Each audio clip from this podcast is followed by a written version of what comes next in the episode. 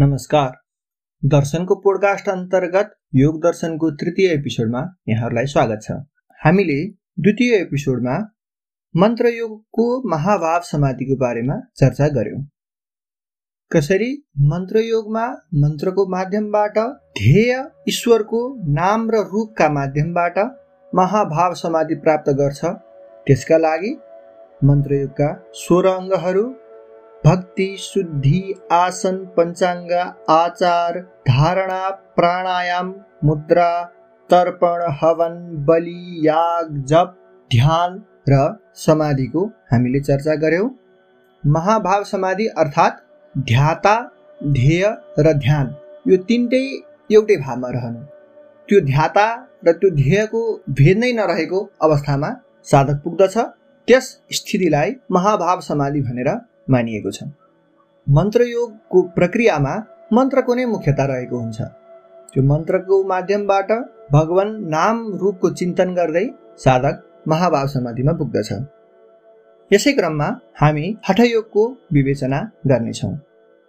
हठयोग अर्थात् हठात् चेतसो जय। कसरी हठयोगको माध्यमले चित्तवृत्तिको निरोध गरेर महाबोध समाधिको दशा प्राप्त गर्न सक्छौँ यसै आलोकमा हामीले प्रकाश गर्नेछौँ। हठयोगको विवेचना रुद्रयामल तन्त्र हठयोग प्रदीपिका गोरक्ष संहिता घेरण्ड संहिता हठयोग संहिता आदि ग्रन्थमा गरिएको छ। फरक फरक घटक तत्त्वहरू मिलेर बनेको हुनाले यो शरीरलाई एउटा घैँटो जसरी तुलना गरिएको छ। त्यसको लागि भनिएको छ प्राणापाननाद बिन्दु जीवात्मा परमात्मा नाम मेलनाद घटते यस्मात् तस्माद् वै घट उच्यते। आमकुम्भमिवाम्भस्थं जीर्यमाणं सदा घटं योगबलेन सन्दैह्य घटशुद्धिं समाचरेत्। हठयोगेन प्रथमं जीर्यमाणामिमां तनुं दृढयन् सूक्ष्मदेहं वै कुर्याद्योगयुतं पुनः। स्थूलं सूक्ष्मश्च देहो वै परिणामान्तरं यतः कादिवर्णान् समभ्यस्य शास्त्रज्ञानं यथाक्रमं यथोपलभ्यते तद्वत् स्थूलदेहस्य साधनै। योगेन मनसो योगो हठयोग प्रकीर्तित। अर्थात् हाम्रो अहिलेको शरीर भनेको एउटा काँचो घैँटो जस्तै हो। काँचो घैँटोलाई यदि पानीमा राखिदिने हो भने तत्कालै त्यसको नाश हुन्छ। तर माटोको घैँटोलाई यदि पकाएर राखिएको छ भने हामीले पानी राख्न सक्छौँ। त्यस्तै हाम्रो यो शरीर पनि प्राण नाद बिन्दु तन्मात्रा महाभूत आदि मिलेर बनेका छन्। र यो शरीरको प्रकृति नै के छ भन्दाखेरि यो हरपल हर क्षण जीर्ण हुँदैछ। हरपल हर क्षण जीर्ण भइराख्ने यो शरीरमा योग गर्नको लागि पनि त्यसमा शुद्धि आवश्यक हुन्छ। योग बलेन सन्देह्य घट शुद्धिम समाचरे त्यही भएर योग बलले हाम्रो शरीरलाई प्रथमत शुद्धि गर्नुपर्छ। ठुलो शरीर हाम्रो सुदृढ भइसकेपछि बल्ल सूक्ष्म शरीर योगमा आरूढ हुन सक्छ त्यसको लागि भनिएको छ कादिवर्णान समव्यस्य शास्त्र ज्ञानम यथाक्रमम यथोपलभ्यते तद्वत स्थूल देहस्य साधनै। अर्थात् मन्त्रमय वर्णहरूबाट हामी शास्त्रको ज्ञान गर्न सक्छौँ प्रक्रियाहरू ज्ञान गर्न सक्छौँ त्यसको अर्थ खेलाउन सक्छौँ त्यसको विचार विमर्श गर्न सक्छौँ। तर त्यो लक्ष्यमा पुग्नको लागि पनि हाम्रो प्राथमिक साधन भनेको ठुलो शरीर नै हो। त्यसै हुनाले हठयोगको मुख्य लक्ष्य भनेको ठुल शरीरलाई नै सुदृढ पार्नु हो। स्थूल शरीरलाई धारण गर्ने भनेको प्राण नै हो। हाम्रो जीवन कहिलेसम्म रहन्छ? जबसम्म प्राण रहन्छ। प्राण शक्ति हाम्रो शरीरमा तिनवटा रूपमा प्रश्न देखिन्छन्। ती हुन्? शुक्र प्राणवायु र मन। शुक्र प्राणको स्थूल रूप हो। हाम्रो यो शरीर रज र वीर्यको सम्मिश्रणबाट बनेको छ तिनीहरूको घटनबाट बनेको छ। त्यसै हुनाले प्राण शक्तिको स्थूल रूप भनेको वीर्य हो। त्यस्तै प्राण शक्ति सूक्ष्म रूपमा परिणत भएको भनेको मन हो र सूक्ष्म र स्थूल शरीरलाई पनि धारण गर्ने उनीहरूलाई शक्ति दिने भनेको प्राण वायुले हो। त्यसै हुनाले हठयोगमा मुख्य रूपमा त्यो प्राण वायुलाई प्राण शक्तिलाई धारण गर्न त्यसका माध्यमबाट आफ्नो मन र शुक्रलाई बसमा राख्न सकिन्छ कसरी निरोध गर्न सकिन्छ चिन्तन रहेको छ। हठयोगका सात अङ्ग मानिएका छन्। षट्कर्मासन मुद्रा प्रत्याहार प्राण संयम ध्यान समाधि सप्तैवाङ्गानि शिवहठयोगस्य अर्थात् षट्कर्म आसन मुद्रा प्रत्याहार प्राणायाम ध्यान र समाधि यी सात हठयोगका अङ्गहरू हुन् षटकर्म अर्थात् धौती वस्ती नेति लौलिकी त्राटक र कपालभाती हुन्। भनिएको छ धौतिर्वस्तिस्तथा नेतिर्लौलिकी त्राटकम तथा कपालभातिश्चैतानि षट्कर्माणि समाचरित। षट्कर्मका प्रत्येक क्रियामा भेदहरू छन्। धौतीमा अन्तर्धौती दन्तधौती हृदधौती मूलशोधन आदि अनेक अनेक ती हठयोगका प्रक्रियाहरूलाई सनातन परम्परादेखि ज्ञान गरी आएको राम्रो अभ्यास गरेको योगी ज्ञानी गुरुजनको माध्यमबाटै प्रक्रियाको ज्ञान गर्नुपर्ने हुन्छ। सटकर्म गरिसकेपछि शरीरमा शुद्धता आउँछ। त्यो शुद्धता आइसकेको शरीरलाई स्थिर पार्नुपर्ने हुन्छ। स्थिर पार्नलाई द्वितीय अङ्ग हठयोगमा आसनलाई मानिएको छ। आसनको अभ्यासले गर्दा स्थूल शरीर योगको निम्ति उपयुक्त बन्छ र यसले मनलाई पनि स्थिरता प्रदान गर्छ। आसन अर्थात् स्थिति भनेको नै आसन हो। पूर्वीय सभ्यतामा चौरासी लाख योनिहरू मानिएका छन्। तसर्थ आसनहरू पनि चौरासी लाख नै छन्। प्रत्येक प्रत्येक प्राणी विशेषको जीव विशेषको स्थिति नै आसन हो। यसरी चौरासी लाख आसनहरूको सम्पूर्ण ज्ञान भगवान शिवलाई छ र आगम शास्त्रमा तन्त्र शास्त्रमा मानवलाई उपयुक्त आसनहरूको पनि व्याख्या गर्नुभएको छ। आसनहरूमा पनि चौरासी आसन विशेष मानिएका छन्। ती चौरासी आसनमा पनि मुख्य गरी हठयोगमा तेत्तिसवटा आसनहरूको विधान गरिएको छ। सिद्धासन स्वस्तिकासन पद्मासन पद्य पद्मासन भद्रासन मुक्तासन वज्रासन सिंहासन गोमुखासन वीरासन धनुरासन सवासन आदि। जहाँ जहाँ पनि हाम्रो पूर्वीय सभ्यता रहेको छ त्यहाँ त्यहाँ हामीले हाम्रो जीवनमै अन्तर्निहित भएर यी आसनहरूमा बसेको प्रयोग गरिरहेका हुन्छौँ। यी आसनहरूमा बसिसकेपछि स्थूल शरीरलाई स्थानमा राख्न र मनलाई स्थिर पार्न मद्दत पुग्दछ। आसन सिद्ध भइसकेपछि हठयोगको तृतीय अङ्ग गर्नुपर्ने हुन्छ। हठयोगको तृतीय अङ्ग हो मुद्रा। मुद्रा अर्थात् अङ्ग प्रत्यङ्गलाई विशेष अवस्थामा राख्नु। हामीले सामान्य जनजीवनको भाषामा पनि भन्दछौँ यसको मुद्रा मुखमुद्रा हस्तमुद्रा आदि अङ्ग प्रत्यङ्गलाई शरीरको अङ्ग प्रत्यङ्गलाई विशेष विशेष अवस्थामा राखेर आफ्नो मनलाई स्थिर गराउनु मुद्रा हो। मुद्राहरूमा पनि मुख्य मुद्राहरू महामुद्रा नभो मुद्रा उड्डियान मुद्रा जलन्धर बन्ध मुद्रा मूलबन्ध मुद्रा महाबन्ध मुद्रा महावेदा मुद्रा खेचरी मुद्रा आदि हठयोगमा विशेष मानिन्छन्। हठयोगको साधनका लागि मुद्राहरूलाई योग्य गुरुले सिकाएको प्रक्रिया अनुसार गर्नुपर्ने हुन्छ। मुद्राको पनि साधन भइसकेपछि हठयोगको चतुर्थ अङ्ग हो प्रत्याहार। हामीले कुनै पनि वस्तुको ज्ञान गर्दाखेरि हामीले कुनै चिज देख्यौँ अथवा कुनै चिज सुन्यौँ अथवा कुनै शब्द आयो कुनै गन्ध आयो भने हाम्रो मन त्यतातिर गइहाल्छ। विषयतिर गएको मनलाई ठाउँमा डुली हिँड्ने मनलाई ल्याएर आफ्नो चित्तमै समाहित गर्नु भनेको प्रत्याहार हो। गीतामा पनि भनिएको छ यतो यतो निश्चरति मनश्चञ्चलमस्थिरम ततो नियमै तदात्मानन निव वसन नयेत। अर्थात् चञ्चल मनलाई स्थिर पारेर आफ्नो चित्तमा विलय गराउनु प्रत्याहार हो। योग सूत्रमा पनि भनिएको छ स्वविषया संप्रयोगे चित्तस्वरूपानुकार इवेन्द्रियाणम प्रत्याहार।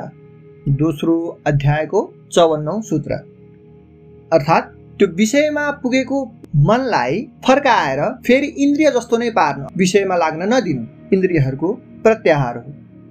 प्रत्याहार गर्न सकेको खण्डमा योगमा सिद्धि प्राप्त हुन्छ। ती सिद्धिहरू छ वर्गमा विभक्त छन्। प्रातिव सिद्धि श्रवणा सिद्धि वेदना सिद्धि दर्शना सिद्धि आस्वाद सिद्धि र वार्ता सिद्धि। यसरी मनलाई आफ्नो इन्द्रियमा नै लिन गरिसकेपछि त्यो इन्द्रियको पूर्ण शक्तिको ज्ञान हुन्छ र त्यसले गर्दा योगीमा सिद्धिहरू आउँछन्। हठयोगको पञ्चम अङ्गका रूपमा प्राणायामलाई लिएको छ। प्राण वायुलाई जित्नु नै प्राणायाम हो। मन्त्रयोगमा प्राणायाम मन्त्र प्रदान हुन्थ्यो भने हठयोगमा प्राणायाम वायु प्रदान हुन्छ। त्यो वायुको गतिलाई प्राणायामको भेदबाट जित्न सक्नु भनेको प्राणायाम हो। हठयोगमा आठ प्रकारका प्राणायामहरू विशेष मानिएका छन्। ती हुन् सहित सूर्यभेदी उज्ज्यायी शीतली भस्मिका भ्रामरी मुर्छा र केवली यी फरक फरक प्राणायामहरूको अभ्यास शास्त्रगम्य छ गुरुगम्य छ सिद्ध योगीगम्य छ। यसरी आफ्नो प्राणको गतिलाई जित्न सकेपछि हठयोगको षष्ठ अङ्ग अर्थात् ध्यान गर्नुपर्छ। अब ध्यानको विवेचन गर्दा ध्यान तिन प्रकारका मानिएका छन्।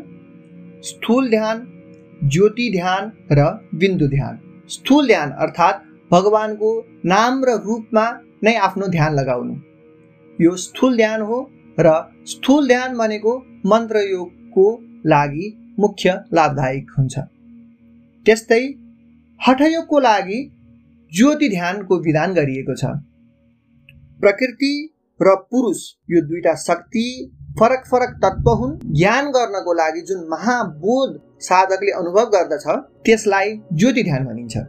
अर्थात् हठयोगमा प्राणवायुको जय गरेर जुन ध्यान गरिन्छ जुन ध्यानको अवस्थामा पुगिन्छ त्यो प्राणवायुलाई आफ्नो बसमा गरेर प्रकृति र पुरुषको बारेमा विवेक गर्न सक्नु भनेको ज्योति ध्यान हो। त्यस्तै बिन्दु ध्यान भनेको लययोगमा अविष्ट छ यसको व्याख्या लययोगमा गरिनेछ। सामान्य रूपमा भन्दाखेरि बिन्दु ध्यान भनेको शिव र कुण्डलिनी शक्ति। शिव र उनको शक्तिलाई एकाकार गराएर सामरस्य अवस्थामा पुर्याउनु भनेको बिन्दु ध्यान हो। यसरी हठयोगका छ अङ्ग नियमपूर्वक साधना गरिसकेपछि योगी साधक त्यसमा निपुण भइसकेपछि हठयोगको सप्तम अङ्गको रूपमा समाधिलाई मानिएको छ। मन्त्रयोगको समाधिलाई महाभाव समाधि बनिन्थ्यो भने हठयोगको समाधिलाई महाबोध समाधि भनिन्छ।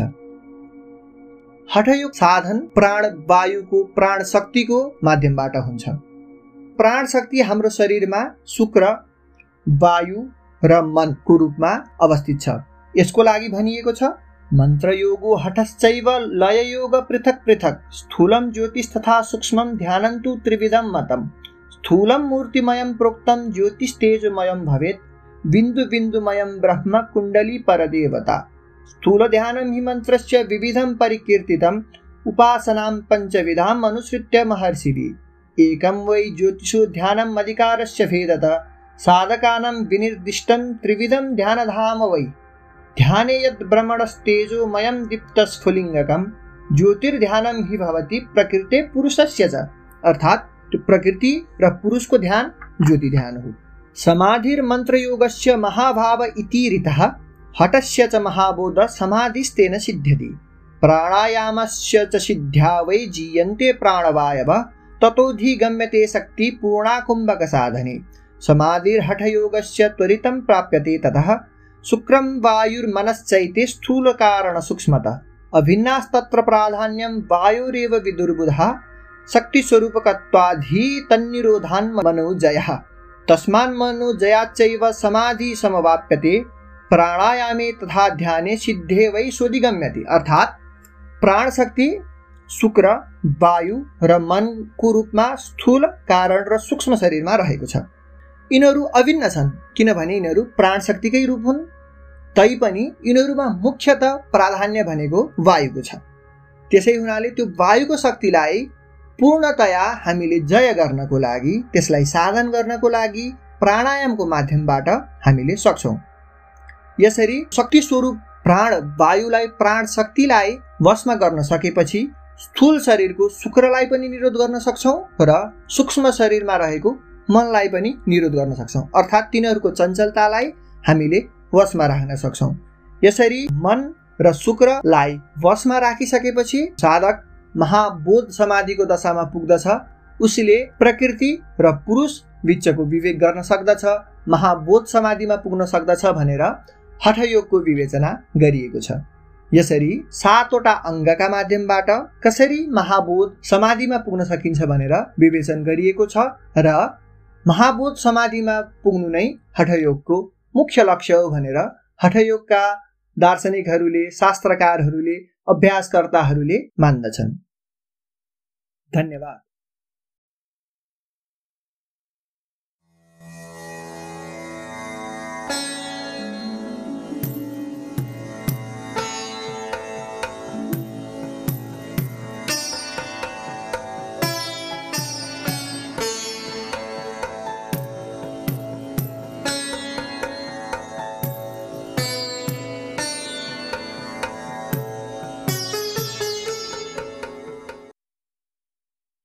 नमस्कार। दर्शनको पोडकास्ट अन्तर्गत योग दर्शनको तृतीय एपिसोडमा यहाँहरूलाई स्वागत छ। हामीले द्वितीय एपिसोडमा मन्त्रयोगको महाभाव समाधिको बारेमा चर्चा गर्यौँ। कसरी मन्त्रयोगमा मन्त्रको माध्यमबाट ध्येय ईश्वरको नाम र रूपका माध्यमबाट महाभाव समाधि प्राप्त गर्छ त्यसका लागि मन्त्रयोगका सोह्र अङ्गहरू भक्ति शुद्धि आसन पञ्चाङ्ग आचार धारणा प्राणायाम मुद्रा तर्पण हवन बलि याग जप ध्यान र समाधिको हामीले चर्चा गऱ्यौँ महाभाव समाधि अर्थात् ध्याता ध्येय र ध्यान। यो तिनटै एउटै भावमा रहनु। त्यो ध्याता र त्यो ध्येयको भेद नै नरहेको अवस्थामा साधक पुग्दछ। त्यस स्थितिलाई महाभाव समाधि भनेर मानिएको छ मन्त्रयोगको प्रक्रियामा मन्त्रको नै मुख्यता रहेको हुन्छ। त्यो मन्त्रको माध्यमबाट भगवान नाम रूपको चिन्तन गर्दै साधक महाभाव समाधिमा पुग्दछ। यसै क्रममा हामी हठयोगको विवेचना गर्नेछौँ। हठयोग अर्थात् हठात् चेतसो जय। कसरी हठयोगको माध्यमले चित्तवृत्तिको निरोध गरेर महाबोध समाधिको दशा प्राप्त गर्न सक्छौँ यसै आलोकमा हामीले प्रकाश गर्नेछौँ। हठयोगको विवेचना रुद्रयामल तन्त्र हठयोग प्रदीपिका गोरक्ष संहिता घेरण्ड संहिता हठयोग संहिता आदि ग्रन्थमा गरिएको छ। फरक फरक घटक तत्त्वहरू मिलेर बनेको हुनाले यो शरीरलाई एउटा घैँटो जसरी तुलना गरिएको छ। त्यसको लागि भनिएको छ प्राणापाननाद बिन्दु जीवात्मा परमात्मा नाम मेलनाद घटते यस्मात् तस्माद् वै घट उच्यते। आमकुम्भमिवाम्भस्थं जीर्यमाणं सदा घटं योगबलेन सन्दैह्य घटशुद्धिं समाचरेत्। हठयोगेन प्रथमं जीर्यमाणामिमां तनुं दृढयन् सूक्ष्मदेहं वै कुर्याद्योगयुतं पुनः। स्थूलं सूक्ष्मश्च देहो वै परिणामान्तरं यतः। कादिवर्णान् समभ्यस्य शास्त्रज्ञानं यथाक्रमं, यथोपलभ्यते तद्वत् स्थूलदेहस्य साधनै। योगेन मनसो योगो हठयोग अर्थात् हाम्रो अहिलेको शरीर भनेको एउटा काँचो घैँटो जस्तै हो। काँचो घैँटोलाई यदि पानीमा राखिदिने हो भने तत्कालै त्यसको नाश हुन्छ। तर माटोको घैँटोलाई यदि पकाएर राखिएको छ भने हामीले पानी राख्न सक्छौँ। त्यस्तै हाम्रो यो शरीर पनि प्राण नाद बिन्दु तन्मात्रा महाभूत आदि मिलेर बनेका छन्। र यो शरीरको प्रकृति नै के छ भन्दाखेरि यो हरपल हर क्षण जीर्ण हुँदैछ। हरपल हर क्षण जीर्ण भइराख्ने यो शरीरमा योग गर्नको लागि पनि त्यसमा शुद्धि आवश्यक हुन्छ। योग बलेन सन्देह्य घटशुद्धिम समाचरित त्यही भएर योग बलले हाम्रो शरीरलाई प्रथमत शुद्धि गर्नुपर्छ। ठुलो शरीर हाम्रो सुदृढ भइसकेपछि बल्ल सूक्ष्म शरीर योगमा आरूढ हुन सक्छ। त्यसको लागि भनिएको छ कादिवर्णान समव्यस्य शास्त्र ज्ञानम यथाक्रमम यथोपलभ्यते तद्वत स्थूल देहस्य साधनै। अर्थात् मन्त्रमय वर्णहरूबाट हामी शास्त्रको ज्ञान गर्न सक्छौँ प्रक्रियाहरू ज्ञान गर्न सक्छौँ त्यसको अर्थ खेलाउन सक्छौँ त्यसको विचार विमर्श गर्न सक्छौँ। तर त्यो लक्ष्यमा पुग्नको लागि पनि हाम्रो प्राथमिक साधन भनेको ठुलो शरीर नै हो। त्यसै हुनाले हठयोगको मुख्य लक्ष्य भनेको ठुल शरीरलाई नै सुदृढ पार्नु हो। स्थूल शरीरलाई धारण गर्ने भनेको प्राण नै हो। हाम्रो जीवन कहिलेसम्म रहन्छ? जबसम्म प्राण रहन्छ। प्राण शक्ति हाम्रो शरीरमा तिनवटा रूपमा प्रश्न देखिन्छन्। ती हुन् शुक्र प्राणवायु र मन। शुक्र प्राणको स्थूल रूप हो। हाम्रो यो शरीर रज र वीर्यको सम्मिश्रणबाट बनेको छ तिनीहरूको घटनबाट बनेको छ। त्यसै हुनाले प्राण शक्तिको स्थूल रूप भनेको वीर्य हो। त्यस्तै प्राण शक्ति सूक्ष्म रूपमा परिणत भएको भनेको मन हो र सूक्ष्म र स्थूल शरीरलाई पनि धारण गर्ने उनीहरूलाई शक्ति दिने भनेको प्राण वायुले हो। त्यसै हुनाले हठयोगमा मुख्य रूपमा त्यो प्राण वायुलाई प्राण शक्तिलाई धारण गर्न त्यसका माध्यमबाट आफ्नो मन र शुक्रलाई बसमा राख्न सकिन्छ कसरी निरोध गर्न सकिन्छ चिन्तन रहेको छ। हठयोगका सात अङ्ग मानिएका छन्। षट्कर्मासन मुद्रा प्रत्याहार प्राण संयम ध्यान समाधि सप्तैवाङ्गानि शिवहठयोगस्य अर्थात् षट्कर्म आसन मुद्रा प्रत्याहार प्राणायाम ध्यान र समाधि यी सात हठयोगका अङ्गहरू हुन् षटकर्म अर्थात् धौती वस्ती नेति लौलिकी त्राटक र कपालभाती हुन्। भनिएको छ धौतिर्वस्तिस्तथा नेतिर लौलिकी त्राटकम तथा कपालभातिश्चैतानि षटकर्माणि समाचरित। षटकर्मका प्रत्येक क्रियामा वेदहरू छन् धौतीमा अन्तर्धौती दन्तधौती हृदधौती मूलशोधन आदि अनेक अनेक ती हठयोगका प्रक्रियाहरूलाई सनातन परम्परादेखि ज्ञान गरी आएको राम्रो अभ्यास गरेको योगी ज्ञानी गुरुजनको माध्यमबाटै प्रक्रियाको ज्ञान गर्नुपर्ने हुन्छ।